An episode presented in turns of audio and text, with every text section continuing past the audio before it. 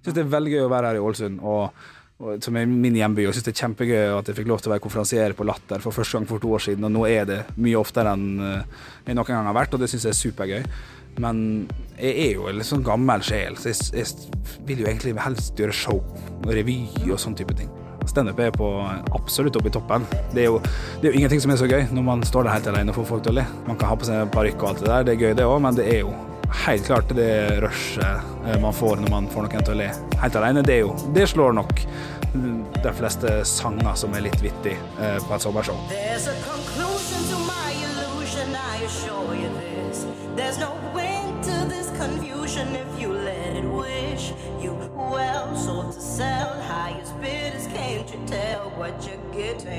Velkommen til backstage-prat, denne gang fra Ålesund. Jeg heter Yngve Skomsvold, og dagens gjest er Ålesundskomikeren Henrik Overå Bjørnson. Akkurat nå driver han og rigger til kveldens standup-show på Teaterfabrikken, som ligger, som dere kanskje hører, på måkeskrikene. Rett ut i havgapet med utsikt mot et fyr og noen flotte, holdt på å si steile, er det ikke det man sier, sunnmørske fjell. Skal vi se om vi ikke finner den, da. Fasaden er en hvit murbygning, ser ut som en fabrikkbygning av noe slag. Det eneste som gjør at man skjønner at det ligger et, eh, et standup-sted, spillested, eh, revyscene her, er at det er noen plakater på veggene. Så står det 'Fabrikken' på et godt gammeldags smijernskilt utafor døra her. Så det har nok vært en fabrikk, ja.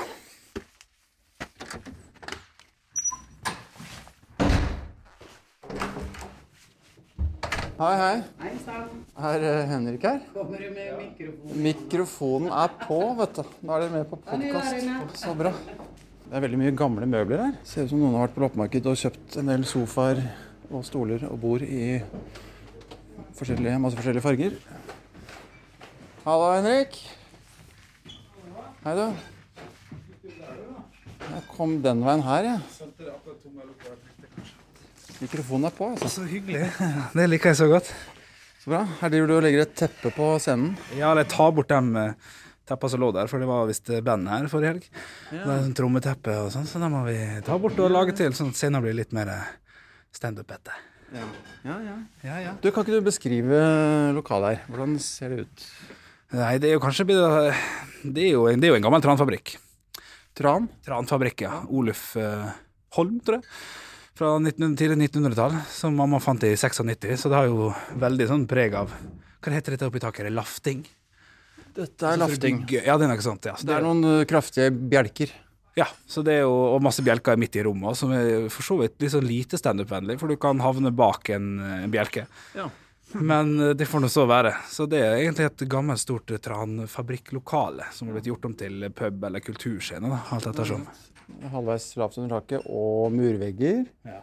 Kunst på veggene. Og møblene er jo henta fra Er det loppemarked? Ja, det har liksom vært mamma sin greie at, eh, at det skal være levd liv i møblene her, da. Så kan man eh, synes hva man vil om det, for så vidt. Jeg syns det er litt stilig. Så det er veldig mye gitt bort. Det er mye dødsbo her, faktisk. Som folk har tenkt at eh, det passer fint inn her. Og så er det folk som har gitt bort den sofaen de ikke vil ha. Det har vært her siden 1996, så det er mye gamle møbler. Ja. Ja, for det er, det er i gamle dager, det. For deg. Ja ja, da var jeg seks år gammel. Så jeg, ja, ja, det er starten av livet, det, faktisk. det er koselig, da. Koselig preg her. Ja, for du, du har vært der før? Vært der før, ja, flere ganger. Jeg har vært i det andre lokalet hvor eh, din mor satt. Hilste på henne så vidt på vei hit. Og har også vært her før. Ja. Og du har vært her inne òg? Ja, en gang for noen år siden. Ja. For deg som ikke hører på, så må man jo forklare at det er to scener og tre store rom. Er det tre rom her? Ja, det, det, det du gikk gjennom, vet du. Nummer, Det er nummer to. Så det er oppholdsrom eller uh, julebords, sitte og spise. Ja, sånn, ja. Så det, det er tre store rom og to scener, da. Og dere veksler litt mellom de to scenene. Hva hva er det som er grunnen til at dere har det her i dag? Det er alltid, Standupen er alltid her inne. Ja. Ja, Grunnen til at du var her sist, eller sist så var du her i store lokalet. Før der igjen så var du inne i det andre. Det var for at det her ikke fantes. Så det her kom i 2012. Plausibel forklaring. Ja. Ja, takk. Jeg vet ikke hva plausibelt betyr engang, så jeg Nei, sier det- bare det- takke. At det hang på greip. Ja. Ja, det henger på greip. Vil du ha en kaffe mens du setter deg og venter litt? Gjerne det. Gjerne det. Det er topp, det. Skal jeg ta en kaffe, i år, da? Ta en kaffe, du òg. Skal jeg ta en kaffe? Ta en kaffe. Det, husker jeg faktisk, det, det var faktisk noe av det første minnet mitt med det, Yngve. For jeg kom jo på Dattera til Hagen i 2007. Da debuterte jeg i Oslo. Eh, og da, for Jeg bytta ofte mellom eh, østlandsdialekter og sånn, litt på gøy, men også fordi at jeg hadde en far som var fra Tønsberg. Eh, så jeg merka nå sånn Skal jeg ta en kaffekopp, jeg ja, òg? Så så jeg at du reagerte litt på det, eller var det bare jeg som overtenkte nå? Mener du nå, eller mener du Nå, ja. i 2007? Nei, nå. nå. Jeg syns det er morsomt når du gjør det. ja. Men du liker det ikke? At du snakker østlandsdialekt. Ja. Jo, jeg digger det. Du syns det går fint? Ja, ja, ja. Skal vi ta kaffen din nå? ja. Jeg skal få. Syns du det er gøy når folk fra Ålesund og Bergen som snakker østlandsdialekt? For det høres litt eh, artig ut. Ja. Det er bare bra. Kan ikke du si litt om hva Teaterfabrikken har be- betydd for deg? Det er jo det er jo vokst opp her. Eh, Den skolen som jeg gikk på da jeg var liten, den er jo den store gule skolen som er oppover her, man ser, som man ser når man går bort hit. Så hver dag etter skolen, fra andre til sjuende, så gikk jeg alltid ned hit. For det var her mamma og pappa jobba. Og stjal solo fra bakrommet og sånn. Jeg tror ikke jeg har sagt det til mamma, faktisk. Men uh, hun er ikke her nå, så det får gå bra. Så jeg har vært her veldig, veldig mye. Og så har jeg satt opp tre eh, soloshow fra jeg var 15 til 18 som ikke var det var jo ikke soloshow i den forstand, men jeg var 15 år og tok 50 kroner for å komme inn. Og så rippa jeg Rowan Atkinson og Robbie, Robin Williams. Vi gjorde det som 15-åring på lille scenen her inne. Ok, Så du gjorde deres vitser? Ja, jeg visste ikke at det var galt den gang. sant? Hadde du noe eget da, eller var det bare rappa? Nei, jeg hadde noe eget òg. Men jeg sang 'Gal av lengsel' av Arne Skau. Fordi at det hadde jeg lyst til å gjøre da. Så, eh, så det fins jo Arne Skau Knutsen, Er ikke den heter da? tekstforfatteren? Ja, Gala lengsel, gala samme det. Eh, Det var ett nummer. Vi hadde ti innslag, da, og det var ett av dem. Ja, ja. Så, så jeg har jo fått lov til å gjøre akkurat det jeg ville her, og det er jo på en måte vokst opp med at man må bare gjøre det man vil, og går det, så går det, og går det ikke, så går det ikke. Når du er 15 år, da er det bare å kjøre på, tenker jeg. Ja da, og det kom vel, jeg tror det kom 100 stykk totalt det, på to dager. Så var det 50 stykk i salen, så det var jo helt strålende. Det var 2500 kroner rett i fòret. Det var jo kjempestemning i tillegg. Ja, ja, ja. Så det var jo der det begynte, og det å ha en plass der man kan få lov til å prøve å gjøre sånne ting, har jo litt å si, for man, man har muligheten til det, og, hvis man gjør, og da gjør man det. Hva var det dine foreldre gjorde her, da? Eh, det er jo et eh, lokale som er konsertlokale, holdt på å si humorlokale, humorlokale. Det har jo vært mye show her, men også, også lukka event. Så det er jo veldig mye lukka event her, og da er det jo enkelte rett som å bære ølfat og lage til. Og, så alt fra A til Å som innebærer et lokale der det kan foregå veldig mye. Ja, det, er, det er moren din som er sjefen her, på en måte? Ja, det er det. Stemmer. Så det Jeg har vært med, jeg sto i bak baren da jeg var 17 også. Da var det som det jobba med. Servere øl. Så jeg har liksom gjort litt, litt diverse her, da. Ja. Og det er jo veldig gøy. Det er jo et lite kulturhus. ja. Det er det jo. Ja. Som jeg er veldig glad i.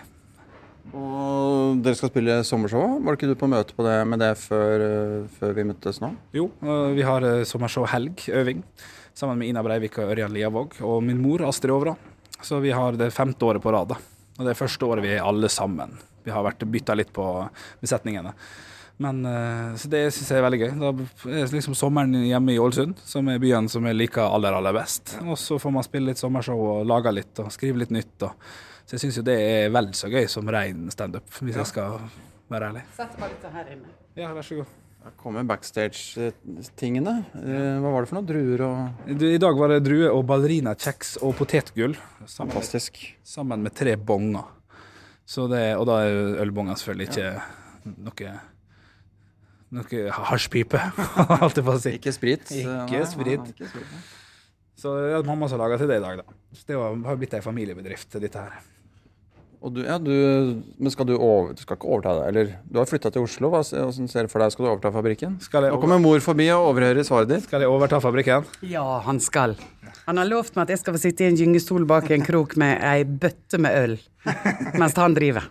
Så bra. Det er en god plan, det. altså. Jeg føler.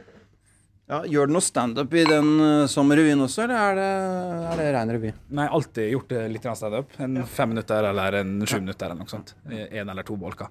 Så jeg syns det er gøy å gjøre også, men jeg har merka at det er litt forskjell på sommershow-publikummet og standup-publikummet. For at sommershow vil, det er jo veldig mye sang i et sommershow, og sang og spill. Og det er hakket bedre stemning. Ofte, syns jeg, da. Ja, ja, ja. Ja, Og for publikum òg. For dem, eh, nå prater jeg litt bort, jeg vet ikke helt hva jeg holder på med. Syns jo standup er veldig gøy. Jo, jo, Men i et sommershow så, så tror ikke det ville gått med 20 minutter midt i. Så det er små drypp av det innimellom, men ikke noe veldig mye, nei. Det er jo alltid vanskelig å gå på med standup etter en som har hatt med seg gitar. Ja, det er jo det. Men eh, jeg syns jo at det kan være vel så gøy å se en som er morsom med gitar, som har en morsom sang eller noe sånt. Men det er klart at den trumfer jo et eller annet. Det er den stemninga, da. Det er vel det eneste jeg kan sette fingeren på. Det, det er hakket bedre stemning med en gitar. Men øh, du, ja, nå skal ikke jeg forstyrre deg hvis du vil Ja, henge opp øh, ting og tang. Og noen tepper som skal på plass. Ja. Vi har jo, vi har jo en sånn Heter det backdrop? Er det det heter? Ja, er det ikke det? Jo, Tror du det? Jeg syns det høres i hvert fall veldig stille ut. Et svart bakteppe. Et svart bakteppe, og så har vi lagd noen stoler, for det, var, det har vært dans her forrige helg med, band. Så da, du ser jo her òg, det er veldig lite stoler i forkant. Det er lite stoler rett foran scenen. De står liksom i en sirkel rundt og bakover. ja. Ja, Så det må lages til, og da disse eh, backdropene. Så det er det som skal, skal til før dørene åpner om ca. 40 minutter. ja. Nettopp, nettopp. Dørene åpner halv åtte. Ja. Show begynner ni. Ja. Riktig, Ja, riktig. Hei, hei, hei, hei, ja, ja. Det var lavt, ja. Ja. Lydprøve der, altså.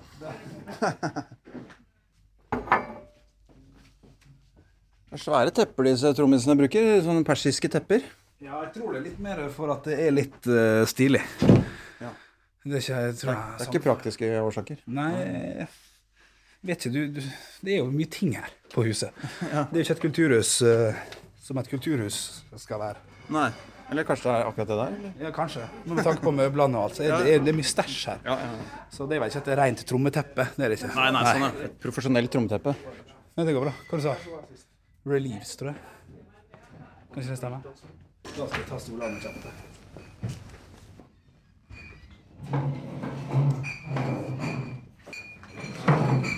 Så du fikk humor inn med morsmelken, altså, rett og slett? Ja, ja, ikke det man sier, da? Jo, det er det man sier, ja. Jo. ja, nei, mamma spilte jo i ei revygruppe som het Small Medium Extra Large, som holdt på en del år. Og jeg så jo veldig mye av prøvene sånn. Jeg syns det fortsatt er veldig gøy. Å se prøver på ting og alt sånt. Så jeg fikk det vel via der òg at Teaterfabrikken starta da jeg var seks år gammel. Og det var mye kabaret og månedsstunt og sånn som jeg kalte det. Hva var det for noe? Månedsstunt. Er Ta, ta tak i tida i siste måned som har gått. Ja, Aktuelle nyhetssaker fra siste måned. Lokalt, ja. Månedsstunt. Er ikke det østlandsting? Stunt? Ordet stunt, ja. Jo, men eh, stunt, månedsstunt. Aldri hørt om. Det er vestlandsk, kanskje. Ålesundsk. Ålesundsk. Teaterfabrikksk. Teaterfabrikks. Ja, men det, ja, nei, så det, det var jo her hver måned i mange år. Så jeg har sett en del. Mye dårlig, men også mye bra, selvfølgelig. Det har vel du òg, det? Har vel det. Har, har. Gjennom Opp igjennom. Bare, jeg, jeg, Ikke la meg være i veien for deg når du skal rydde stoler på plass. Altså. Nei, det er jo Det er jo eh, Man tenker jo at det er veldig enkelt å bare sette ting på rad og rekke. Men så skal, Skal gjøres, ikke sant. ja, og så skal det se, skal det se litt fint ut, da. Så det var altså moren din som fant Teaterfabrikken i 96? Ja, det er riktig. Eh, og det var jo en som nevnte tidligere, så vidt jeg husker, en nedlagt eh, tranfabrikk som eh, hun ble tipsa om. Og dette, her, dette er en historie hun har fortalt flere ganger. Eh, hun kommer inn på fabrikken, ser disse vinduene som hun alltid bruker når hun forteller om Teaterfabrikken, for det var vinduer som snakka til henne. Litt alternativ dame, dette her. Eh, men vinduene var så veldig fine, for de var bua og litt sånn, da. At de snakket til henne, betyr bare at de appellerte til henne? Eller var var det noe slags Ja, det var det er ikke verre. budskap fra de vinduene? Nei da, det var bare at jeg, hun likte den veldig godt. Kikka rundt der, der sto det masse biler og masse gamle, gammel dritt. Og så, og så gikk hun ut, og så sto, hadde pappa gått ut og lent seg på bilen og sagt sånn 'Dette mener du ikke, Astrid'. Og så gjorde hun jo det, da. Så hun satte opp et show eh, til 40-årsdagen sin, der alle pengene gikk til å pusse opp da, Teaterfabrikken. Som heter Kjerringkjeft, tror jeg. Men var hun allerede da en revyartist, eller hvor, hvor var hun i livet da hun bestemte seg for å starte en teaterfabrikk? Ja, hun starta jo barneteater i byen og jobba vel i kommunen, så vidt jeg vet. Eh, Så hun var vel Hun holdt jo på med det. Masse teater. Vi hadde spilt masse teater på Arbeideren. Som du Så var vis-à-vis hotellet der du bor på nå, faktisk. Eh, Gammelt kulturhus? Ja, gammelt kulturhus. Der spilte de mye. Og så åpna hun sin egen arbeider, på en måte. Eller kulturhus, da, med Teaterfabrikken. Så hun hadde holdt på med ting, gjorde hun, men eh, ikke så aktivt som hun gjorde i ettertid. Hun hadde en vanlig jobb. Ja, hun var barne... Hva heter han? Barneteaterlærer, holdt jeg på å si. Drama, dramalærer, egentlig. Og så ble hun teatereier på heltid. Ja, hun måtte slutte i kommunen da, for hun, det var, det var ikke lov å ha noe privat på et vis. Hun slutta i 96, og så har det rulla godt siden da. Og faren din, hva jobba han med? Han jobba i VG. Eh, høres mye stiligere ut enn det han gjorde. For det han gjorde, var han var dis distributør eller noe sånt. Passa på noe fylke oppe i Nord- Nord-Norge. og så hadde han Møre og Romsdal, for at han flytta hit etter hvert. da. Så han eh, passa på at de hadde riktig antall og bla, bla, bla. Jobba i VG i 20-30 år. Hva var det han konkret gjorde? Skjønte ikke. Nei, jeg, er husker ikke det helt. eh, For han slutta jo i 98 der, noe sånt, og begynte å jobbe på Teaterfabrikken, han òg. Ja, han gjorde det. Så jeg, han slutta da jeg var liten. Han slutta da jeg begynte på barneskolen. Ja. Men han hadde, han var nok eh, han, han reiste mye, i hvert fall. Og mye telefonmøte. Mye oppe i Nord-Norge. Ja. Det er det beste svaret jeg kan gi. Passe på at avisa kom fram. Ja, vi kan godt si si det på den måten der. Riktig antall, i hvert fall. Hva var hans rolle på Teaterfabrikken da? Han var bare sjef. Han eh, ja, ja, stilte alltid med smoking og, og sto alltid i smoking i baren. Først så var vi i den av den lille avdelinga, og så ble det jo utvida etter hvert da når røykeloven kom og sånn, og så videre og så videre. Så det var den første baren som var Så vidt jeg husker helt i starten, du var det bare han som var i baren. Da måtte man jobbe. Ja. Ja. Og hvor lenge øh, levde han? Døde ikke han ganske nylig? Jo, er i 2016. Eh, I oktober døde han. Så det er, etter, det er bare ett og et halvt år siden. altså. Hva, Vi kan snakke mer om det hvis du vil. ja, hva, hva døde han av, holdt jeg på å si? Du, han døde av det gode, gamle, ufyselige greiene som heter kreft i spiserøret. Var det vel. Eh, og ble, vi har, vi har snakka mye om dette her i ettertid, eh, for han døde ganske fort. Han fikk vel ikke påvist kreft før i slutten av august, og så, og så døde han da det, mange, Det blir to måneder etterpå. da. Så jeg var med han opp til Trondheim for å ta en, en liten sånn sjekk en gang. Eh, det var vel da i en måned før han døde, slutten av september. Og da var det litt sånn Ja, nå har du kreft, men det kan hende det går bra, og alt sånt. Og så fikk jeg beskjed om at eh, Han ringte meg en gang i starten av oktober og sa at nå har han fått beskjeden om at han kanskje ikke kommer til å holde til sommeren, men han kommer til å holde til påske. Og det var jo en jævla hard beskjed å, å få, sånn midt i trynet. Jeg hadde akkurat kjøpt leilighet, var faktisk på vei opp for å signere et eller annet greier. Knakk helt sammen rett utafor leiligheta. Selvfølgelig, som man jo skal gjøre når man får en sånn beskjed. Og så, og så drar, eh, drar vi opp for å besøke han, og han er egentlig fin i formen. Han setter seg i rullestolen og røyker litt og går litt. Og, og så plutselig blir han bedre. Så drar jeg tilbake igjen til Oslo, og alt går fint. Og så skal jeg komme tilbake om ei uke, da, for han skal jo tross alt leve til påske, har vi fått beskjed om. Så vi trenger ikke å stresse, og jula kommer til å gå fint og alt. Så er jeg på en jobb på Gardermoen for en fredag, og så skal jeg gjøre den på dagtid, en konferansierjobb. Så, så ringer, har jeg bestemt meg for at jeg ikke skal ringe hjem midt i jobben for å sjekke om det går bra. For der og da kan jeg ikke gjøre noe uansett. Så jeg drar ut på Gardermoen, kjører, og så ringer mamma. Og så to ganger så tar jeg ikke telefonen. Da kjente jeg nå, dette er krise. Nå har jeg gjort en jobb for et lite, en lite honorar, og så kanskje mista pappaen min i det øyeblikket, liksom. Så da sleit jeg veldig den flyturen der. Landa, får te telefon fra mamma der hun sier sånn eh, Hiv deg i bilen, Ragnhild kommer og henter deg. Du kan rekke det. Bare kom deg til helvete til sykehuset med en gang. Vi kommer til sykehuset. Da hadde tumoren hans begynt å blø og noe greier, så han blør innvendig og mye, mye styr. Men jeg får snakka med han, da. Først han sier det selvfølgelig 'Gikk flyturen bra?' Så han var, han var liksom oppe og, opp og nikka, da. Og så bare blir han helt borte og vekke. og så tenker vi at vi mister han den dagen, da. men vi får beskjed fra legen at det gjør vi ikke. Så vi drar inn på lørdagen, møter vi en mann som sitter oppe i senga si og bare sånn 'Faen, ja, kjekt å se deg, du. Nå kan vi ikke gå og ta en røyk, da?' Helt oppe. Fin i formen og god stemning. Og så blir vi enige om at vi sover denne den dagen, bare for å gjøre det. Bare for å ha gjort det, liksom. Og da selvfølgelig dagen etterpå, da, eh, så våkner han nesten ikke, men han anerkjenner oss og sånn, og så dør han da i løpet av, av den dagen. Så jeg rakk liksom den siste. Altså Jeg fikk sagt, snakka med han på fredagen når jeg kom fra den jobben, og, og på lørdagen da var han helt fin. Fikk snakka ut om det vi skulle snakke ut om, for at vi visste at han var snart ferdig. Og så døde han på søndagen. Så det var heavy, men kort, og det var jo litt fint. For man kjenner jo til andre folk som mista folk over flere år, og så er de borte siste året og sånn. Så eh, jeg snakka mye om mye nå, merker jeg, men eh, jeg, til syvende og sist er det rart å si, men jeg er glad for at det gikk så fort. At han slapp å lide. For det, det, det slapp han. Og så var han jo en eh, fin fyr på slutten òg, og det var godt å få lov til å være med på. Jeg har akkurat fylt 70-årsdagen sin, eller 71, han bursdag i august. Eh, så det var veldig rart. Jeg hadde et veldig godt forhold til han. Eh, han var jo pensjonist, så jeg snakka med han hver dag. Ringte han hver dag. Det tror jeg korteste samtalen vi hadde var under 30 sekunder. Men jeg hadde en sånn greie på at jeg ville snakke med han. For at, eh, han hadde jo to barn fra før. De bodde i Tønsberg. Jeg bodde i Ålesund hele livet. Han hadde jobb, og så da han ble pensjonist, så slo jeg alltid på til han da. Hvordan går det? Ja, det er fint vær i dag. Det er fint. Åssen har du da, Bjørn Henrik? Ja, det er fint. Snakkes i morgen. Så det å ta den telefonen syns jeg var rart. Og- Nei, å ikke ta den telefonen lenger. Og så hadde jeg bestemt meg for at jeg skulle fjerne nummeret hans fra favorittlista. På, for jeg hadde jo han på favoritter på bursdagen hans. Da skulle jeg ta meg øl og gjøre det. Og det, det var ikke like hardt, naturligvis, men det var veldig rart. For i alle år så har han lagt på favoritt. Når har min kjæreste lagt, mamma og pappa lagt. Så da fikk han en liten skål, og så røyk han fra favorittlista, da. Men ikke fra Han ligger fortsatt på telefonen. Men, eh, men det var en sånn liten eh, rar ting. For at han har en Facebook-profil som vi ennå ikke har lagt ned, for han brukte han veldig sjelden. Der gratulerte jo folk med, med han i dagen, på dagen hans i fjor. Så det, det er altså veldig sånn rart.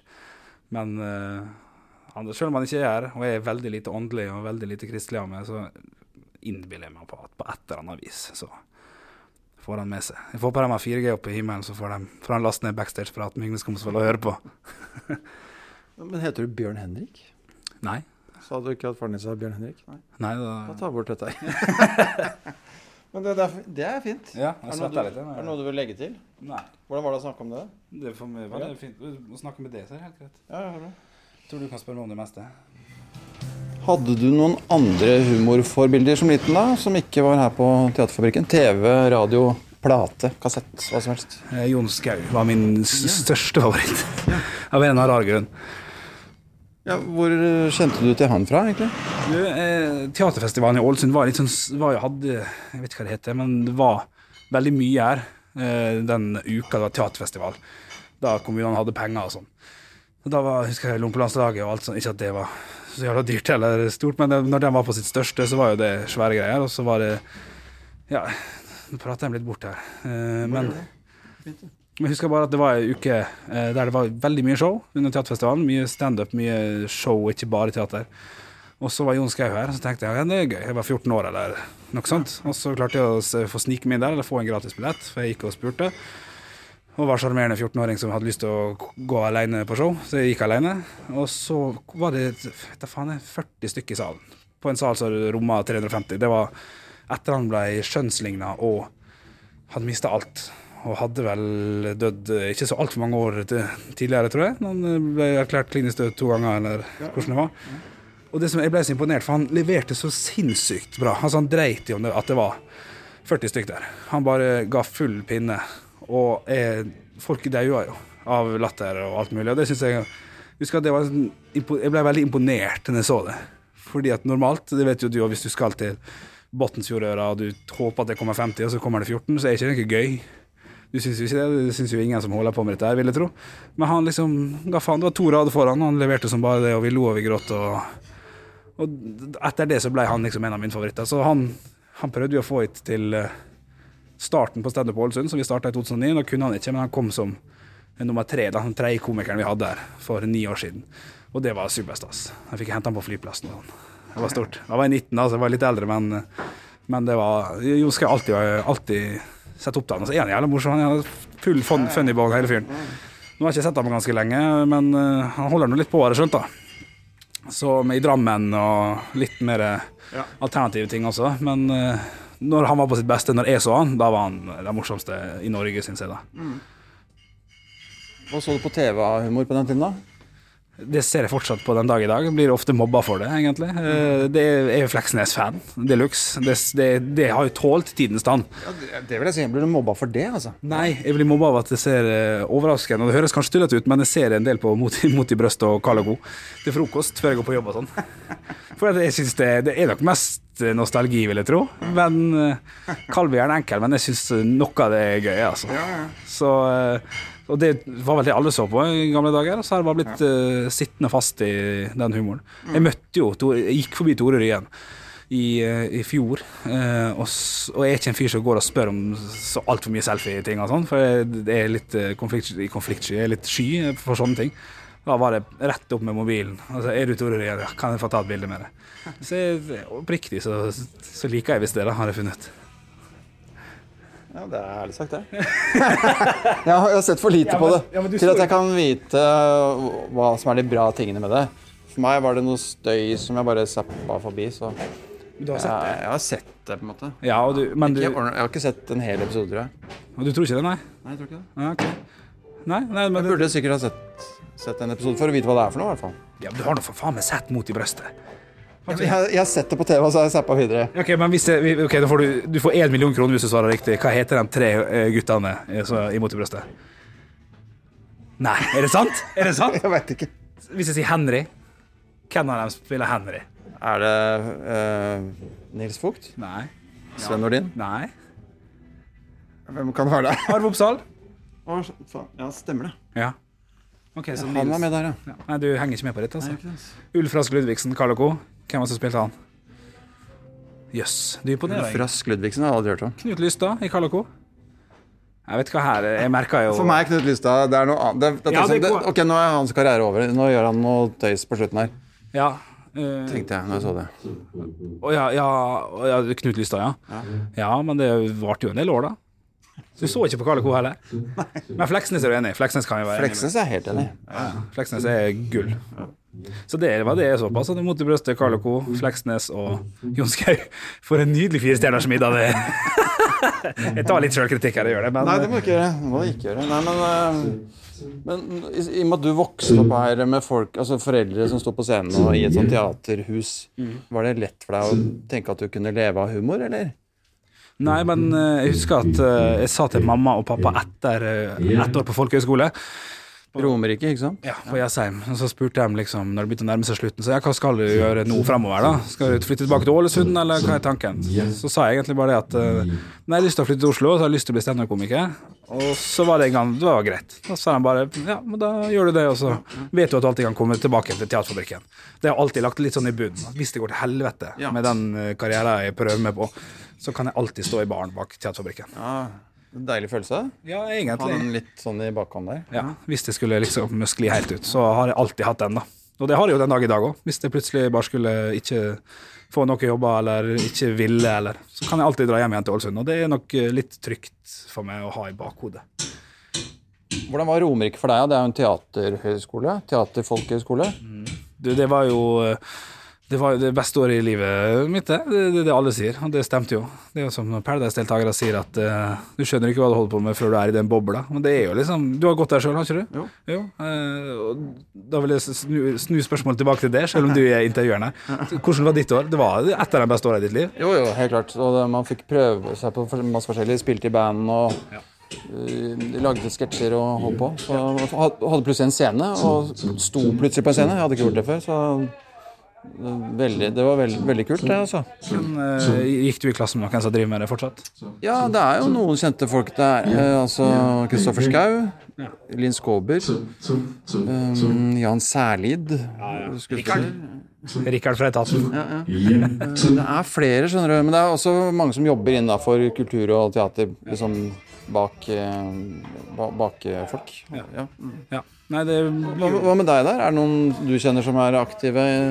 Holdt jeg på å si? Mm, ikke, det er flere som går på Teaterhøgskolen, og noen har gått ut, som ikke er noe kjent. Gikk, eh, Sondre Justad gikk jo, eh, han som musikeren. Han gikk på musikkteater, og det er vel den eneste eh, derfra. Men jeg er ganske sikker på at det kommer flere derfra. For det er jo flinke folk som har gått der, og som går der. Og jeg likte den, det året der veldig, veldig godt. Husker du noe konkret, noen konkrete opplevelser eller noe konkret du lærte der? Uh, man er jo 18-19-20 år, så man tuller jo veldig mye, husker jeg. Og det å måtte ta, spille teater-teater, det hadde jeg ikke gjort før. Da hadde du ikke gå inn i Tsjekkov, og det er jo grenser for hvor mye du kan gå inn i Tsjekkov på et folkehøyskoleår. Men det var nok til at vi liksom måtte føle på det å spille teater da, uten å tulle ting til. Og det var jo litt uvant. Selv om jeg egentlig er en teatergutt og kommer fra teatermiljø og barneteater, så var det å spille teaterteater det var litt nytt. Men uh, det var litt godt, det òg. Å se at uh, man ikke alltid må tulle ting til. For det er man gjerne flink til når man driver med standup og humor. Så skal det meste tulles litt til. Men uh, gjorde du noe humor der, da? Ikke annet enn at vi spilte i det, det der humorbandet da, som han lagde, som hadde tre konserter på Låven. Eller to konserter på Låven. Humorbandet du tenker på? Nei, altså man gjorde de tinga som du sier. Man spilte i sånn, band. ja, Ja. ja, ja. Jeg gikk jo i teater, eh, på, nei, i teaterklasse, så der var ikke det så mye rene humorting. Fikk spille dame en gang, selvfølgelig, i et sånt tullestykke, men ikke noe Det var teaterteater, altså. Men Er det noe du har tatt med deg videre, som du har- bruk for nå? Jeg tok med én ting videre som jeg bruker å nevne ofte til folk som spør hvorfor jeg ikke søker Teaterhøgskolen hvis du er så glad i teater og sånn. Og det er av den enkle grunnen av eh, min, eh, min lærer, Tore Østvang. Eh, gikk, var han lærer når du var der, da? Hadde en som het Tore, men ja, kan hende det var Østvang, altså. Hvordan så han ut, da? Han så ut som Flanders fra Simpson. Hadde briller og bart. Og eh, litt hår på toppen. Høres kjent ut. Han satte med eh, en av de siste dagene. Han satt her i klassen. Så sa han nå er det jo noen som har gått videre til andre prøver på Teaterhøgskolen, og lykke til med det. Men jeg vil bare gi dere ett siste tips nå, for dagene før vi skal ut i den store verden, er at hvis du ikke kommer inn i år, og ikke neste år, heller ikke året etter der, så legger du opp, og så finner du noe annet å gjøre. Og da ble jo alle litt sånn Ja, men Linn Skåberg brukte jo seks år, Henriette Stenstrup brukte sju eller fem. og så, ja, men vet du hva, jeg kjenner så mange bartendere på Aker Brygge som venter år etter år, som aldri kommer seg ut av det, og som alltid skal inn på Teaterhøgskolen. Det finnes så veldig mange andre veier å gå hvis du har lyst til å holde på med kultur. Og det, det ga jeg meg sjøl også tre år. Jeg klarte å kare meg til tredje prøve to ganger. Og så Det er jo kjempebra, det. ja, det var gøy, det, så det ga liksom mer smak på at man skal prøve videre. og sånn. Men så syns jeg det hørtes litt sånn logisk ut. At man må gi slipp på det, for man kan gjøre andre ting. Og nå gjør jeg andre ting. Og nå jobber jeg jo i radio også, på Radio Rock, på morgenshow der med to standup-komikere, Olav Haugland og Halvor Johansson. Og det tror jeg i hvert fall sånn som jeg har det i livet mitt nå, så er det kanskje bedre enn å gjøre teater. Så, så han hadde jo rett på et eller annet vis. da. Jeg driver jo med en form for kultur og underholdning, i hvert fall. Jeg syns det er et godt tips. Altså, gi, gi slipp på drømmer. Det finnes mange andre drømmer å finne etter hvert. Ja. Nå ble jeg litt alvorlig her, men det er eh, greit. Men den radiojobben, da, fortell litt om den. Åssen åssen er det? Du står opp tidlig. Ja, vi begynner jo klokka seks. Eh, Sendinga begynner klokka seks, så man står jo opp eh, halv seks. Hiver seg på bussen og spiser frokost i ei musikkpause der nede. Og så fikk jeg jo den jobben fordi at Olav Haugland eh, fikk barn, så jeg ble, ble vikar for han i to måneder. Og så syntes de at det var en kjekk fyr, så de spurte om jeg ville være med ut året. Og så fikk jeg ett år til etter det. da. Så det er tilfeldighetene. Det er den drømmen da, til Tore Østvang, at du finner nye andre drømmer og underholdningsting og mål og alt mulig etter hvert. Så det var ren tilfeldighet at jeg ble vikaren. Hvordan er det å sitte der, da? Er, det, er, er det sånn plate, eh, plateprating, eller er det liksom Er det noe humor der, eller hva? Vi er vel ansatte for å, for å fange dagen, nyhetssak, nyhetsting, og, og harselere med det på et eller annet vis. Men selvfølgelig også selge inn igjen og ha konkurranse med billetter til Metallica og sånne type ting. Men, eh, men det er flere humorstikk der, som er rene humorstikk, som eh, vi prøver å harselere litt da med, med avisforsidene og alt det der. Åssen funker det å kombinere den jobben der med kveldsjobbing og reising og sånn? Det, det funker overraskende bra, for de fleste jobbene man gjør når man driver med dette, er jo fredag og lørdag. Og vi er der mandag til fredag. Eh, Men hvis det er en onsdag i Bardufoss, så kan jeg ikke ta den lenger. Men det er ikke så mange av dem, så det, det går overraskende greit. Så er det greit betalt, er det ikke det? Jo da, det er radio. Det er noe kommersielle greier. Men, eh, men er, det- standup som er hovedsatsingsområdet ditt, eller? Du driver jo litt med skuespill og litt revy og litt radio og litt forskjellig. Nei, jeg vil ikke si at standup er hovedsatsinga. Jeg syns det er veldig gøy. Jeg synes det er veldig gøy å være her i Ålesund, og, som er min hjemby. Og jeg syns det er kjempegøy at jeg fikk lov til å være konferansier på Latter for første gang for to år siden. Og nå er det mye oftere enn eh, jeg noen gang har vært, og det syns jeg er supergøy. Men jeg er jo en litt sånn gammel sjel, så jeg, jeg vil jo egentlig helst gjøre show og revy og sånn type ting. Det er, men det er litt lite av i Oslo, så man må starte det sjøl. Og det har jeg ikke gjort ennå. Forhåpentligvis kan jeg gjøre det en gang. Men uh, standup er på absolutt oppe i toppen. Det er, jo, det er jo ingenting som er så gøy når man står der helt alene og får folk til å le. Eh, du kan jo gjemme deg bak en gitar, som vi har snakka om litt tidligere, eller man kan ha på seg en parykk og alt det der. Det er gøy, det òg, men det er jo helt klart det rushet eh, man får når man får noen til å le helt alene. Det, er jo, det slår nok de fleste sanger som er litt vittige eh, på et sommershow. Det gjør det. Du var jo så tidlig med opp show. Har du tenkt på opp show nå i voksen alder? da? Eh, nei, jeg har egentlig ikke det. Det er så ufattelig mange flinke som setter opp show om dagen. Så, som eh, så Ellen Osnes skulle begynne med sitt andre show nå, etter tre år eller to år. Og Doffen som setter opp sånn supershow. Og dem, Kristoffer Schjelderup i Bergen, ja. ja. og dem, eh, dem er jo så jævla dyktige. Og dem er jo litt eldre enn meg òg, så jeg føler jeg har litt sånn respekt for det, og litt redsel for det der soloshow-spøkelset. Samtidig så digger jeg jo at Jonis Josef kjører på og setter opp uh, Juicy. Uten noen regissør, uh, utenom jeg vet Henrik Farley har vært litt inne i bildet. Jeg syns det er grisefett, det òg. og at Vidar Hodnekamp kjører et sånn fullt soloshow på Latter med full regissør og full pakke og salgsapparat. Og vi liker jo at folk gjør både det ene og det andre. Kommer Olavs Svarstad Hauland også, Russlandes. Skal jeg si hei, eller? Nei, jeg bare går, jeg. Hei. Hei, hei. Um, ja, for jeg bare tenkte sånn, I og med at du har bakgrunn fra revy, eh, har du tenkt på denne gang å altså blande Ha en slags revymonolog, da? Kombinert med standup?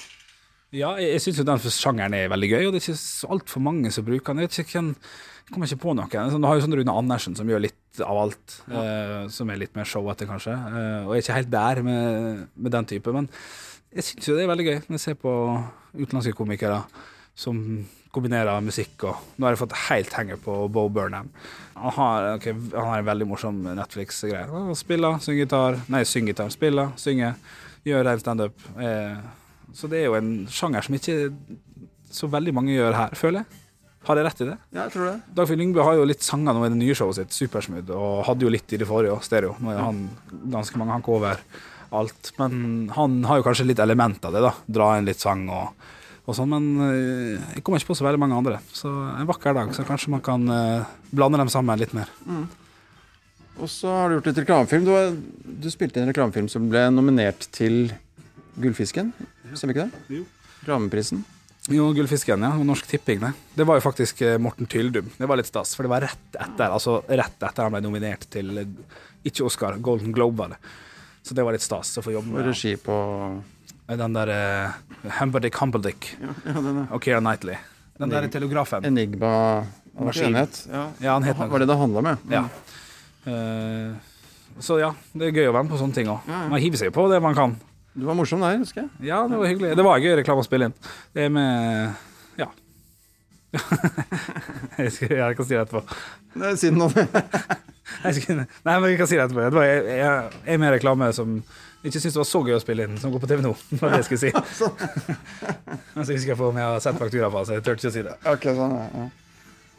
Og så har du hatt en rolle i Side om side. Ja, jeg fikk være med med fire replikker. Ja, ja, ja, ja, så det var talerolle. Ja, jeg står på rulleteksten, det var veldig stas. Som, eh, som medarbeider på Jernia-bedrifta til Tore Sagen, eller Frode, da. Frode Pedersen.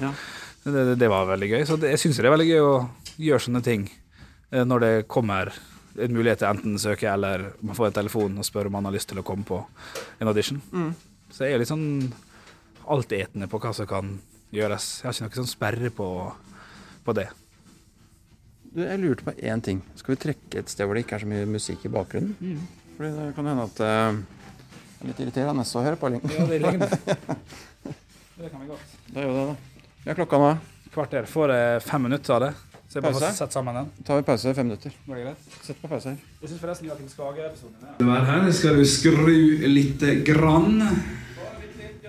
Bare bitte litt, men da fortsetter jeg å prate. Mens jeg ser hvordan jeg skal sette opp resten av stolene. Der er det jo litt med ryggen til. Det må vi gjøre noe med. Og så disse jævla danskebåtstolene der. Hva er det de er laga for? Er det god lyd? Flott. Så fint. Ja ja, for meg er det topp. Gå ut og sette oss. Der skal vi ta oss en kopp kaffe og prate en, eh, så lenge du vil, Yngve. Skal vi gjøre det? Det gjør vi. Da får vi fred og ro. Så bra. Nå er jeg ferdig med mitt, skjønner du. Du er ferdig med ditt? Ja. Ferdig med riggingen? Jeg sa det tok fem minutter. Tok en 40 minutts tid. Å, ja, ja, ja. Det tar jeg på min kappe. Jeg syns det er veldig hyggelig å få lov til å være med ja. men Så bra. i podkasten. Ja, ja, ja. Du, det, det skulle bare mangle. Nå, skal- nå skal jeg vise deg den respekten du, du og din podkast fortjener. Og lytteren også, eller? Ja, ha, ha, har du litt Den er god! Lydmannen er tilbake halv ni hvis noen lurte. Ja. Ok. Jeg tror vi setter oss ut. Ja. Vi har en hyggelig bakgård. Å, fy faen. Men det lokalet her også, som er mellomlokalet mellom de to scenerommene, er jo også veldig kult. Eh, Masse gamle møbler og sånt her òg. Ja, det er det. Eh, det, er det her heter jo Her er en lilla sofa med sånn rokokkomønster. det her er Heter det rokokkomønster? Er Ja, det, det kan godt være det. Det, heter, det ble slått inn fordi det måtte lages røykerom i 2001. Så da måtte det der, og så ble den oppheva, så ble det bare større, og så ble alt større. Her sitter mor og røyker med den store protokollen. Hva skal skrives inn i denne? For, hva er det som skrives inn i boka? Det er så svær A4-protokoll her. Ja, ja, det må vi ha. Vi, må, vi, vi er litt gammeldags, så vi har alt skrevet ned i bok. Og, og ikke sånn datagreier. Hva tenker du på med alt av regnskap og sånn, eller? Ja, regnskapet har vi på data, men eh, ja, ja, ikke bare det, faktisk. Nei, vi, nå sitter jeg og venter på et par som skal feire 50-årsdag her nå, og da sitter jeg klar med boka og skal skrive inn hva de skal spise, hva tid de vil spise, hva som skal skje, hva tid de kommer, hva tid vi skal rigge, osv. osv.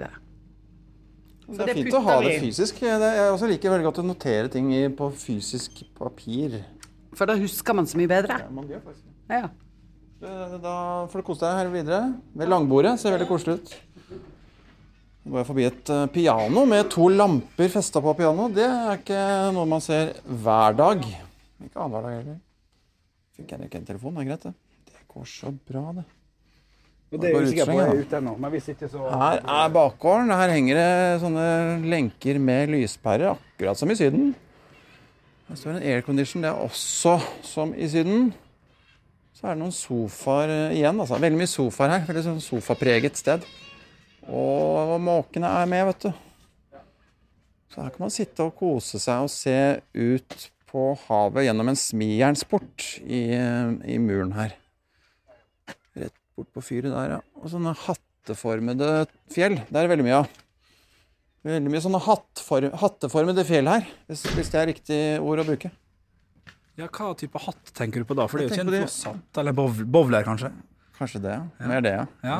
Ikke floss, nei. Ikke floss. Nei, men bovler, god øya, bowler, helt med. Hva heter det fjellet rett uh, ut der? Det er litt, faktisk litt usikker på. Det lærte vi jo på barneskolen, men eh, det er noe Valderøya, Vigra eller Godøya eller noe sånt. Ja, det er nok det, altså. Jeg har tatt med en Cola Zero. Er det sant? Vil du ha det? Ja, tusen takk. Eller vil du ha Red Bullen? Du kan velge, altså, for jeg tok med to forskjellige ting. Det er en slags omvendt Kims lek. Hva du vil ha. Omvendt Kims lek, hvordan da? Nei, det det er åpen for tolkning.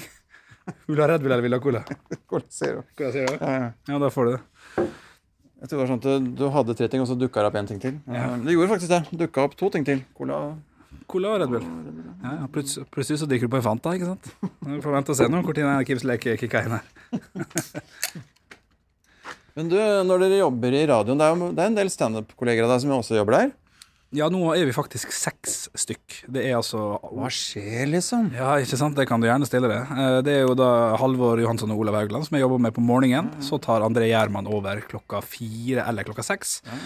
Og så har Ole So og Vidar Hodnekvam et nisjeprogram som heter Valgfagrock, der de kommer med litt trivielle og litt uh, artige fun facts om artister, om raidere, om spillejobber, om låtene. Så de har tatt til seg seks standup-komikere, altså. Eh, og det går jo, så vidt jeg har fått med meg, så går det bra med kanalen. også. Til tross for dette. Nei. Ja, nesten. Har standup-komikerne tatt over eteren, eller hva er det som foregår nå, liksom? Og hva, hva sier de om oss som eh, samfunn og individer? Og Oi. hva, hva sier de om hvordan det kommer til å gå fremover med radioen? Standup-komikeren er jo glad i å prate. Ja, det er sant. Det er jo sånn sett veldig passende jobb da å ha for en standup-komiker. Ja, og alle de spottene der er jo litt sånne spotter der man kan eh, la digresjonene ta overhånd. Ja. så jeg Men ikke lenger enn tre minutter. Eh, nei, faktisk ikke. Tre minutter er det meste spotten vi har. Eh, Men hvis det er god stemning, får vi lov til å dra den til fire. Det skjer av og til. Men, men det er jo litt sånn strengt. Uten at det ringer en telefon i studio fra eh, sjefen sjøl. Ja, men det har kommet springende en gang før jeg begynte. For at de uh, prata for lenge, så vidt jeg husker. Så, så det kan skje. At, Kom de løpende fysisk? ja, jeg mener på det. Det er mulig at jeg Ikke psykisk. Ikke psykisk. Men eh, ja, nei, man må jo forholde seg til den tida som er oppsatt. Men, Det må man. Ja, ja, det må man. Det vet jeg ikke alt om, men jeg vet litt om bitte litt om det, for jeg har jobba i studentradioen i Trondheim. Ja. Det var vel ikke så strengt, forresten. jeg tenker meg om. Nei, eh, faktisk eh, bare et halvår før jeg fikk vikariat i Radio Rock, så var jeg på Hva heter den eh, studentradioen vi har i Oslo? eh, Som er det er Kristoffer Har ikke Schau. peiling. Har ikke peiling. Nei, ok, det er i hvert fall eh, Så var jeg på en Men der Kristoffer Schou har hatt, Ja, eller Metro. fortsatt har, Nei, ikke, nei, nei, ikke Metro. Nei, nei. Eh, Men det er i hvert fall en kanal som en del hører på, da. Så jeg var på audition der og fikk Ikke Radio Rakel. Nei, ikke Rakel. Det er en studentradioting, jeg er litt usikker. Det er ikke så nøye, men jeg fikk i hvert fall avslag på begge, begge to. Det var da for eh, et litt sånn nisjeprogram som het Idiotene eller et eller annet. Og så et morgenprogram. Så da, fikk jeg, da, gikk, da gikk radiodrømmen i brast et, eh, et eh, halvt år før jeg fikk jobb i radio. Så ting snur. Det er et eh, spennende og artig yrke vi har valgt oss. Det er det jo. Uforutsigbart, eller? Ja, men det er ikke det som er litt gøy, da. Snakker ikke om å binde renta her, kompis. Har du ikke bundet renta? Det må du gjøre. Ja, bør jeg det? Er det?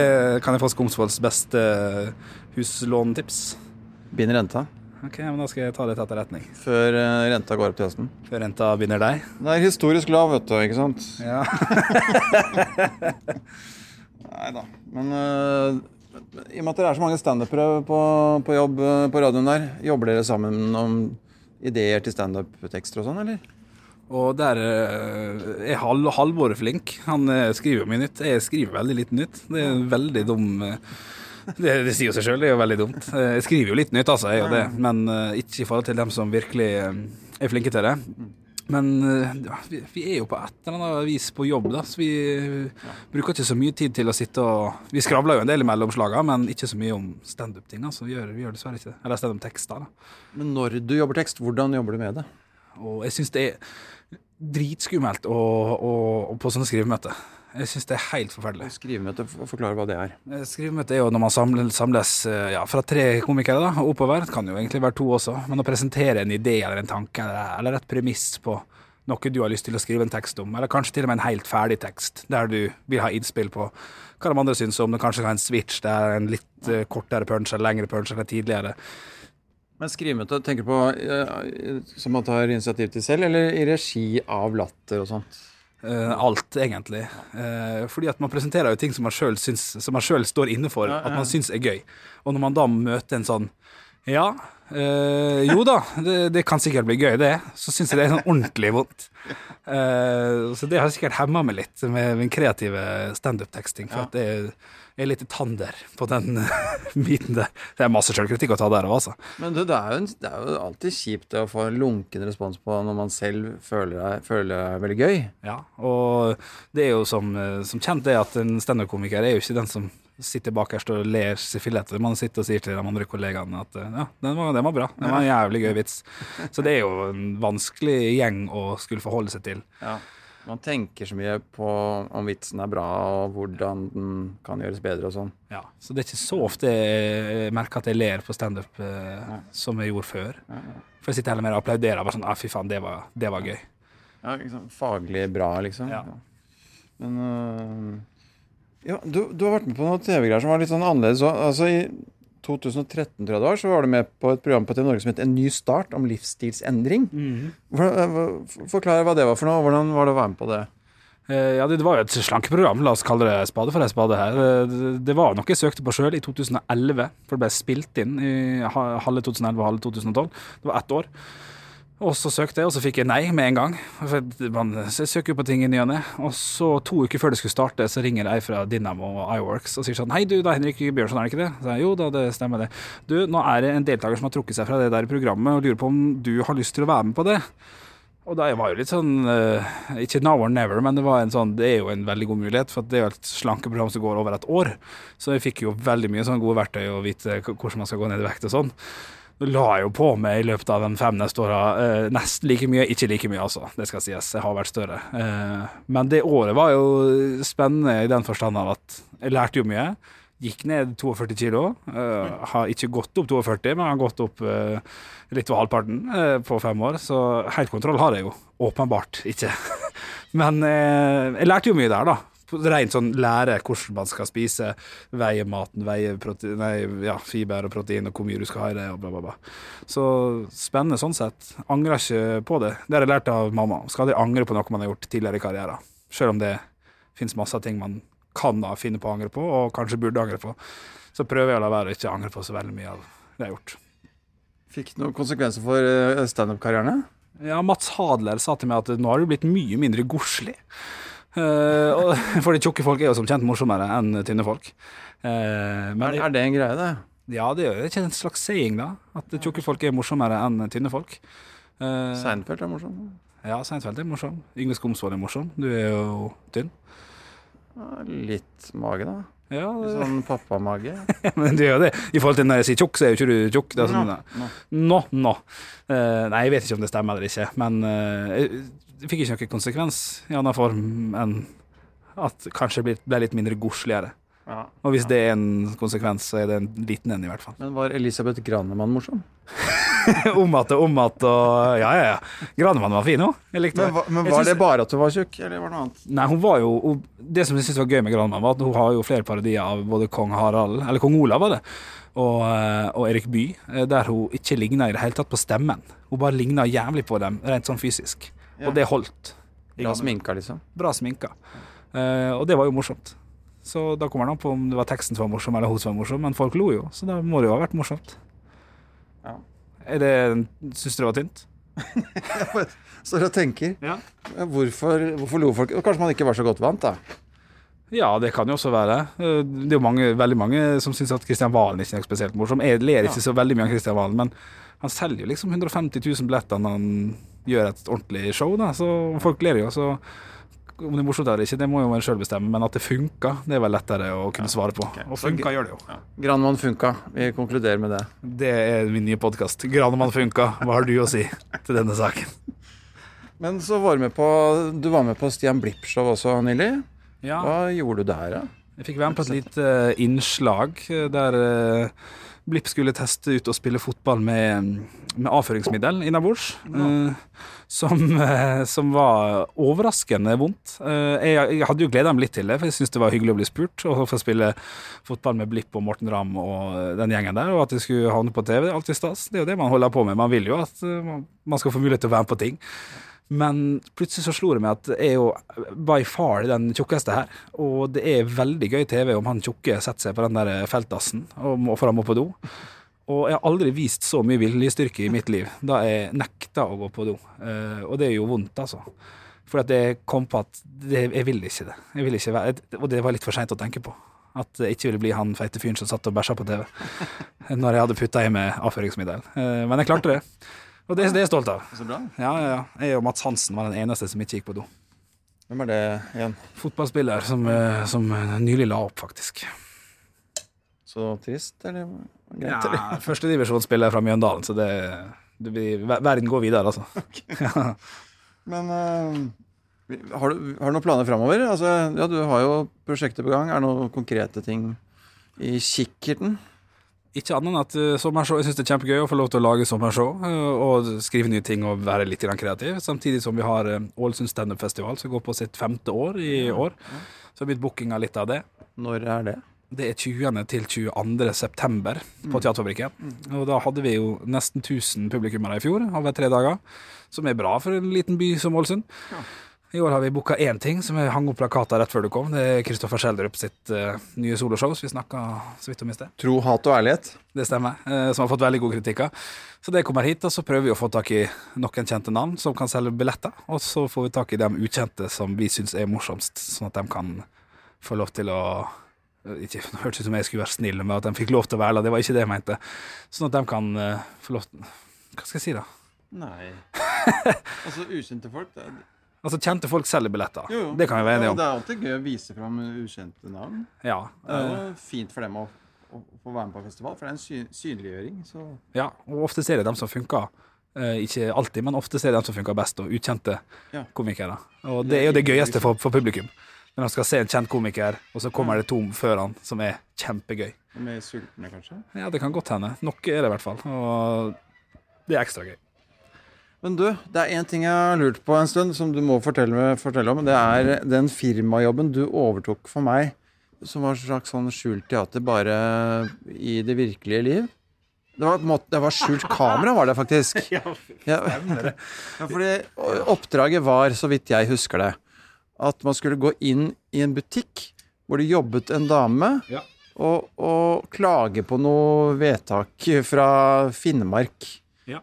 Dette var dårlig forklart. Kan ikke du forklare det bedre? Det er jo det som er så gøy med det yrket her. For at du plutselig får du en telefon, uh, denne gangen her fra Stand Up Norge, som sier hei, du, uh, om to timer uh, har du mulighet til å være på en jobb om to timer. Så jeg, ja, det, det, det går fint. Ja, jeg, jeg hadde akkurat blitt sjuk. Jeg våkna og, og var blitt sjuk. Så var det. Ja, for dette var jo tolvtida på dagen, så det var jo veldig tidlig. Så jeg, ja, det kan du gjøre. Er det her i Oslo? Hvor er det? Ja da, det er rett ned i gata. Men det er skjult teater. Du skal spille en svaksynt same som skal være litt grann irritert, eller mer og mer eskalerende hissig, fordi at den uh, optikerbutikken hadde vært i Nord-Norge, i den byen, om det var Kirkenes eller Vadsø, det husker jeg ikke, og viste ut noen kontaktlinser, noen nye kontaktlinser, et eller annet greier, som jeg da ikke hadde fått muligheten til å, å prøve når jeg var der oppe. På et eller annet vis. Så jeg skulle la ned igjen og kjefte på dem fordi at de hadde stukket av med et produkt som jeg ikke fikk lov til å prøve før jeg bestemte meg om jeg ville kjøpe det eller ikke. Så jeg fikk litt grann brifing på forhånd fra, fra Standup Norge, og eh, på telefon med han som hadde booka dette her. For det her var jo da Hun dama fylte jo 50 år, og denne videoen skulle da vises i 50-årslaget hennes. da. Ja, sånn var det. Sånn var det. Og det var jo å hoppe inn og gå for det beste. eh, Og bare hoppe med begge beina først. Eh, Jeg tror det gikk på et vis. Jeg har aldri sett filmen, men det finnes jo en film der ute. Og jeg er usikker på om jeg har lyst til å se den. Men, men det, det var jo gøy. Eskalerte det veldig, eller? Ja, eh, det ble henta en eller annen sjef på et tidspunkt. eh, For at hun tok ikke helt ansvar for dette. her Eh, Og da var jo det om å gjøre å passe på at hun ikke fikk henta han sjefen. da. Så hun ble litt stressa, ja. Så jeg, tror at jeg gjorde jobben min der. Hissa du deg opp, liksom? Ja, det var jo det eneste jeg skulle gjøre. Bli mer og mer irritert og ekskluderende overfor eh, oss i Nord-Norge. Sånn er det jo alltid. Søringa og, Nord- Nord-Norge. For det er har jeg lurt på hele tiden. Snakka du liksom nordnorsk? Finnmarksdialekt, liksom? Eh, ja, jeg, må, jeg måtte jo prøve så godt jeg kunne. Så jeg gikk inn der og, og prøvde å være så godt eh, så jeg fikk jo beskjed om å være same i tillegg, ikke bare fra Nord-Norge. Så jeg måtte jo gå inn med en gang og si hvorfor har du ikke tatt med dere alle linsene? Det kan du ikke gjøre på den måten der. Det er kjempedårlig ekskluderende overfor oss i Nord-Norge. Og det var jo vondt. Truls Svendsen-parodi, nesten, altså. Ja, ja, den kommer på det nye soloshowet mitt som heter 'Granemann er god nok' i 2019. men det er jo gøy med sånne jobber, at det ikke er bare rene standup-oppdrag. Eh, og så kan det være litt vondt etterpå, men så var det alt i alt gøy å være med på og gøy å få gjøre. Ja, ja. Nå er klokka ti over halv åtte, så du skal snart få lov til å forberede deg litt. Men kan jeg bare få høre, hva er ditt beste og verste minne fra scenen? Uh, mitt beste minne er kanskje et av de dårligste minnene, tror jeg. Fordi jeg fikk lov til å steppe inn for noen på standupfestivalen i 2011. I Oslo? Ja, i Oslo. Og da hadde jeg flytta dit for et halvt år siden. Og så skulle jeg dele da hovedscenen på Latter med eh, Terje Sporsem. Uh, Yngve Skomsvold. Jeg lurer på om du var der? Er det sant? Jeg lurer på faktisk det, uten å tulle. Lisa Tønne, Nils Ingar Odne. Det var liksom bare sånne gode navn som er så opp til da, som 21-åring. Og Jonas Rønning var der. Eh, Jeg lurer på om Åsleik faktisk var sånn gong-gong-mester, for det var nok sånn gong-gong-greier. Engmark, ja. Ja, Uh, og, og da gjorde jeg det altså så dårlig. Uh, det, var, det var ikke bra i det hele tatt, men det var så sinnssykt kult å få lov til å stå på den scenen. Jeg fikk jo litt latter, men i forhold til dem som var helt proff på dette, så, så gikk det jo ikke så bra. Så det er et slags sånn beste og verste minne i én, eh, hvis du henger med på tankene. ja. Absolutt. Var det da du Var det på den tiden du hadde på deg sånn uh, onepiece? Eh, den hjemmelagde eh, skidressen fra mamma Nei, det, var, det brukte jeg litt før. Det var når jeg møtte det på dattera til Hagen i 2007 og 2008 og sånn. Så den hadde jeg lagt fram til 2011. Men eh, på soloshowet mitt, 'Granmann er god nok', så kom den opp igjen, skal jeg love det. Hva skal du snakke om i kveld, da? For du skal være konferansier, veit jeg. Ja, jeg har jo prøvd etter, etter tips fra Jonna Støme. Eh, en gang jeg spurte han for to-tre år siden. Spurte sånn, du, Jeg var først på på Latter, så spurte jeg hva er det siste du snakka om før jeg skal på. Så han det veit jeg ikke. Men har du ingen vits på slutten? Eller noe sånt? Nei, men hvis det er gøy, så er det gøy, og hvis det ikke er gøy, så er det ikke gøy. Og så vi, jeg veit ikke. Så jeg har, når jeg konferansierer, så prøver jeg da å prøve, prøve å lære meg å prate mest mulig med publikum. Så det er planen i dag. Å prøve å prate mest mulig. Og så har jeg en ny tekst om påska, som er lovlig seint å snakke om i slutten av april, men som jeg tenkte jeg skulle liksom dra det siste ut av. eh, I hvert fall, Og så blir det sikkert, hvis det går til helsike, så blir det en gammel tekst om eh, et eller annet. Granemann hadde snakka om påska nå. Han hadde ikke kvia seg for det. Hadde jo sang om påska. Det var en kjempesang. Men du, du vil kanskje backstage og førebud, deg? Jeg syns det er kjempehyggelig å prate med deg. Helt enig, men ja. jeg må forberede meg litt selv, jeg også. Snart. hva hva skal men, du snakke om? For hva skal jeg snakke om? Hva? Rykta går jo om at du driver og skriver masse nytt om dagen og tester ja, ting. ja, ja. Eh, har, har det gått bra? Så langt? Ja, det, det, går, det går bra, og det går dårlig opp om hverandre. Og så er det veldig morsomt første gang du prøver ut en tekst, for det er bare stikkord. Og så neste gang har du skrevet den ned, ord for ord, kanskje litt mer sånn strukturert, og da fungerer det ikke, for da er du mer opptatt av å si det riktig. Så da blir det feil. Så, så kanskje gangen etter der så løsner du litt mer opp. Jeg vet ikke. Men uh, skal snakke om øh, Hvor mange minutter har du forberedt til i dag? Er det... Var det ikke 15 Jo. til 18? Jo, jo, det er helt topp, det. Eh, Jeg skal snakke litt om å hente i barnehage og den gamle tomatvitsen. To tomater. Forslag til ny, ny versjon. Ok. Kan du gi meg et lite frampek på Ja, om at, handler, at uh, En vits som handler om litt mer eksotiske grønnsaker enn tomat. Okay. Ja, tomatbasert vits, er ikke det litt sånn 80-talls? da? Jeg gleder meg. Ja, litt om Ibsen og ligge i kø foran kunstfilmer, ikke bare sånn Star Wars-filmer. Ja, hvordan var i gamle dager, ja? Nei, Ja, litt sånn Nei. Ja, fordi folk eh, Eller at folk burde, burde gjøre det isteden, da. Nå har vel folk kanskje slutta med å ligge i kø utafor premieren på stor, storfilmer. Ja. Kanskje heller at de burde ikke, ikke slutte med det, men gjøre det med andre filmer. Ja, og, Og filmklubber og sånn. Smale filmer. Ja, Ja, ja, ja. Franske kunstfilmer og sånn. ja, ok, og da må de kle seg ut med Ibsen og kinnskjegg og litt sånn? Ja, ja, ja. Må det, vet du. Ja, det var jo det. ja, men jeg gleder meg masse uh, til litt her. Og så må jeg si takk for øh, praten. da. Tusen takk for praten. Veldig hyggelig. I likeså. En liten handshake på slutten. Skal vi ikke rusle inn, da? Jo, bare OK. Beklager at det ble litt stressende der i sted. Nei, nei, nei. Ikke, det var ikke stressende i det hele tatt. Nei, så bra. Det var, det var ikke så effektivt. Det var jo litt men Nei, nei, men herregud. Det var, for meg var det helt topp. var bare fælt at jeg var eh, i veien for deg, så du ikke fikk rydda og sånn. Men, eh, Nei, jeg syns jo det, synes jo det er greit, som jeg sa i sted. Håper det ikke ja. mest skjer til. Men det var ikke Terje Sporsem som starta standup-klubb eh, her i byen først, da? Jo, det var, jo, han var vel en av dem, og så var vel André Ulvesæter med. Ja. Og så slutta dem i 2004, tror jeg. Og så tok vi det opp igjen da i 2009. Hvor var det de hadde Ja, Uh, Millers, der har sikkert du vært. ja stemmer det. Ja. I gamle dager, Jeg har hørt mange sånne historier om standup på Ålesund på Millers. Det var jo en pub, nærmest. ja. Jeg husker Terje og jeg hadde et show der en gang en sommer, to kvelder, med Ramsi fra Big Brother Ja, ja. som eh, opening act. Ja. Oh, ja. ja, for da var det selvfølgelig det året han var med i Big Brother. Ja, Var det suksess? Det var to stappfulle kvelder, det, altså. Ja. det er masse lokalstoff fra Sunnmørsposten, husker jeg. Ja. Funka dritbra. Men hvorfor heter det Ålebyen? Hvorfor sier man det? Og det er vel noe så enkelt som at det bare Det har ingen godt svar på det. Nei, nei det, det var ikke det jeg lurte på. Det jeg lurte på var Ålesund. Hvorfor heter det Ålesund? Det er to teorier på det. Den, det er vel den ene som er riktig. Det er at sundet åler seg som en ål. Altså den, når du går over broa på vei bort til Teaterfabrikken, så er det et sund, og der åler seg som en ål. Og så er det andre teorien, som mest sannsynlig bare oppspinner, at det var veldig mye ål her for tidlig eh, 1900-tall. Jeg går for den, men jeg tror det er feil. Klassisk teori. Nei, det, det er nok sundet altså, som åler seg. Ikke verre enn det. Ja, fy faen. Det holder i massevis. Hvis det er viktig, du er ikke kjapp og sånn. Men jeg sier sånn Ja, så var Åsleik Saga som var konferansier, og sånn Engmark. Prøver å late som jeg er litt proff på noen områder. Men det er rett og slett fordi jeg syns det er veldig irriterende. Hvis jeg hører på Ja, podkaster, så sa jeg Torbjørn til meg at uh, Det hadde vært veldig greit hvis programlederen hadde sagt si, Ja, du tenker Torbjørn Røe Isaksen nå, ikke sant? Ikke harr. Nei. Det gjør noe helt annet med historien. Da. Ja, ja, det gjør det. Mm. Nå skal jeg ringe litt annet. There is a light to all this darkness, I will tell you this. There's redemption in you, asking confused why it is some answers are better left unspoken when you know you ain't getting any Da er showet over, og hvor er vi nå, Henrik? Nå er vi på bakrommet på Teaterfabrikken. Eh, en plass eh, man fort samles. Det er et, det er et slags nachspiel før festen har begynt. Nachspiel før festen, ja. Ja, før festen har begynt i det hele tatt, egentlig. Vi satt jo backstage, og så sa du 'bli med på bakrommet'. Ja, det høres Dere skiller mellom backstage og bakrommet. Det er ryddig. Ja, for bakrommet er jo en plass som har vært alle år. Eh, Der, er det, der, der sitter de som driver sjappa. Min mor sitter her, og de andre som kjenner til huset. Det, det er en slags eh, et ulovlig pokerrom i eh, den eh, nydelige verden. Jeg begynner å bli brisen nå, vet du. Ikke si det høyt, da. At det er et ulovlig pokerrom. Nei, ok, det, Spilles ikke poker her nå, gjør det? nei, det spilles ikke poker, men det drikkes alkohol.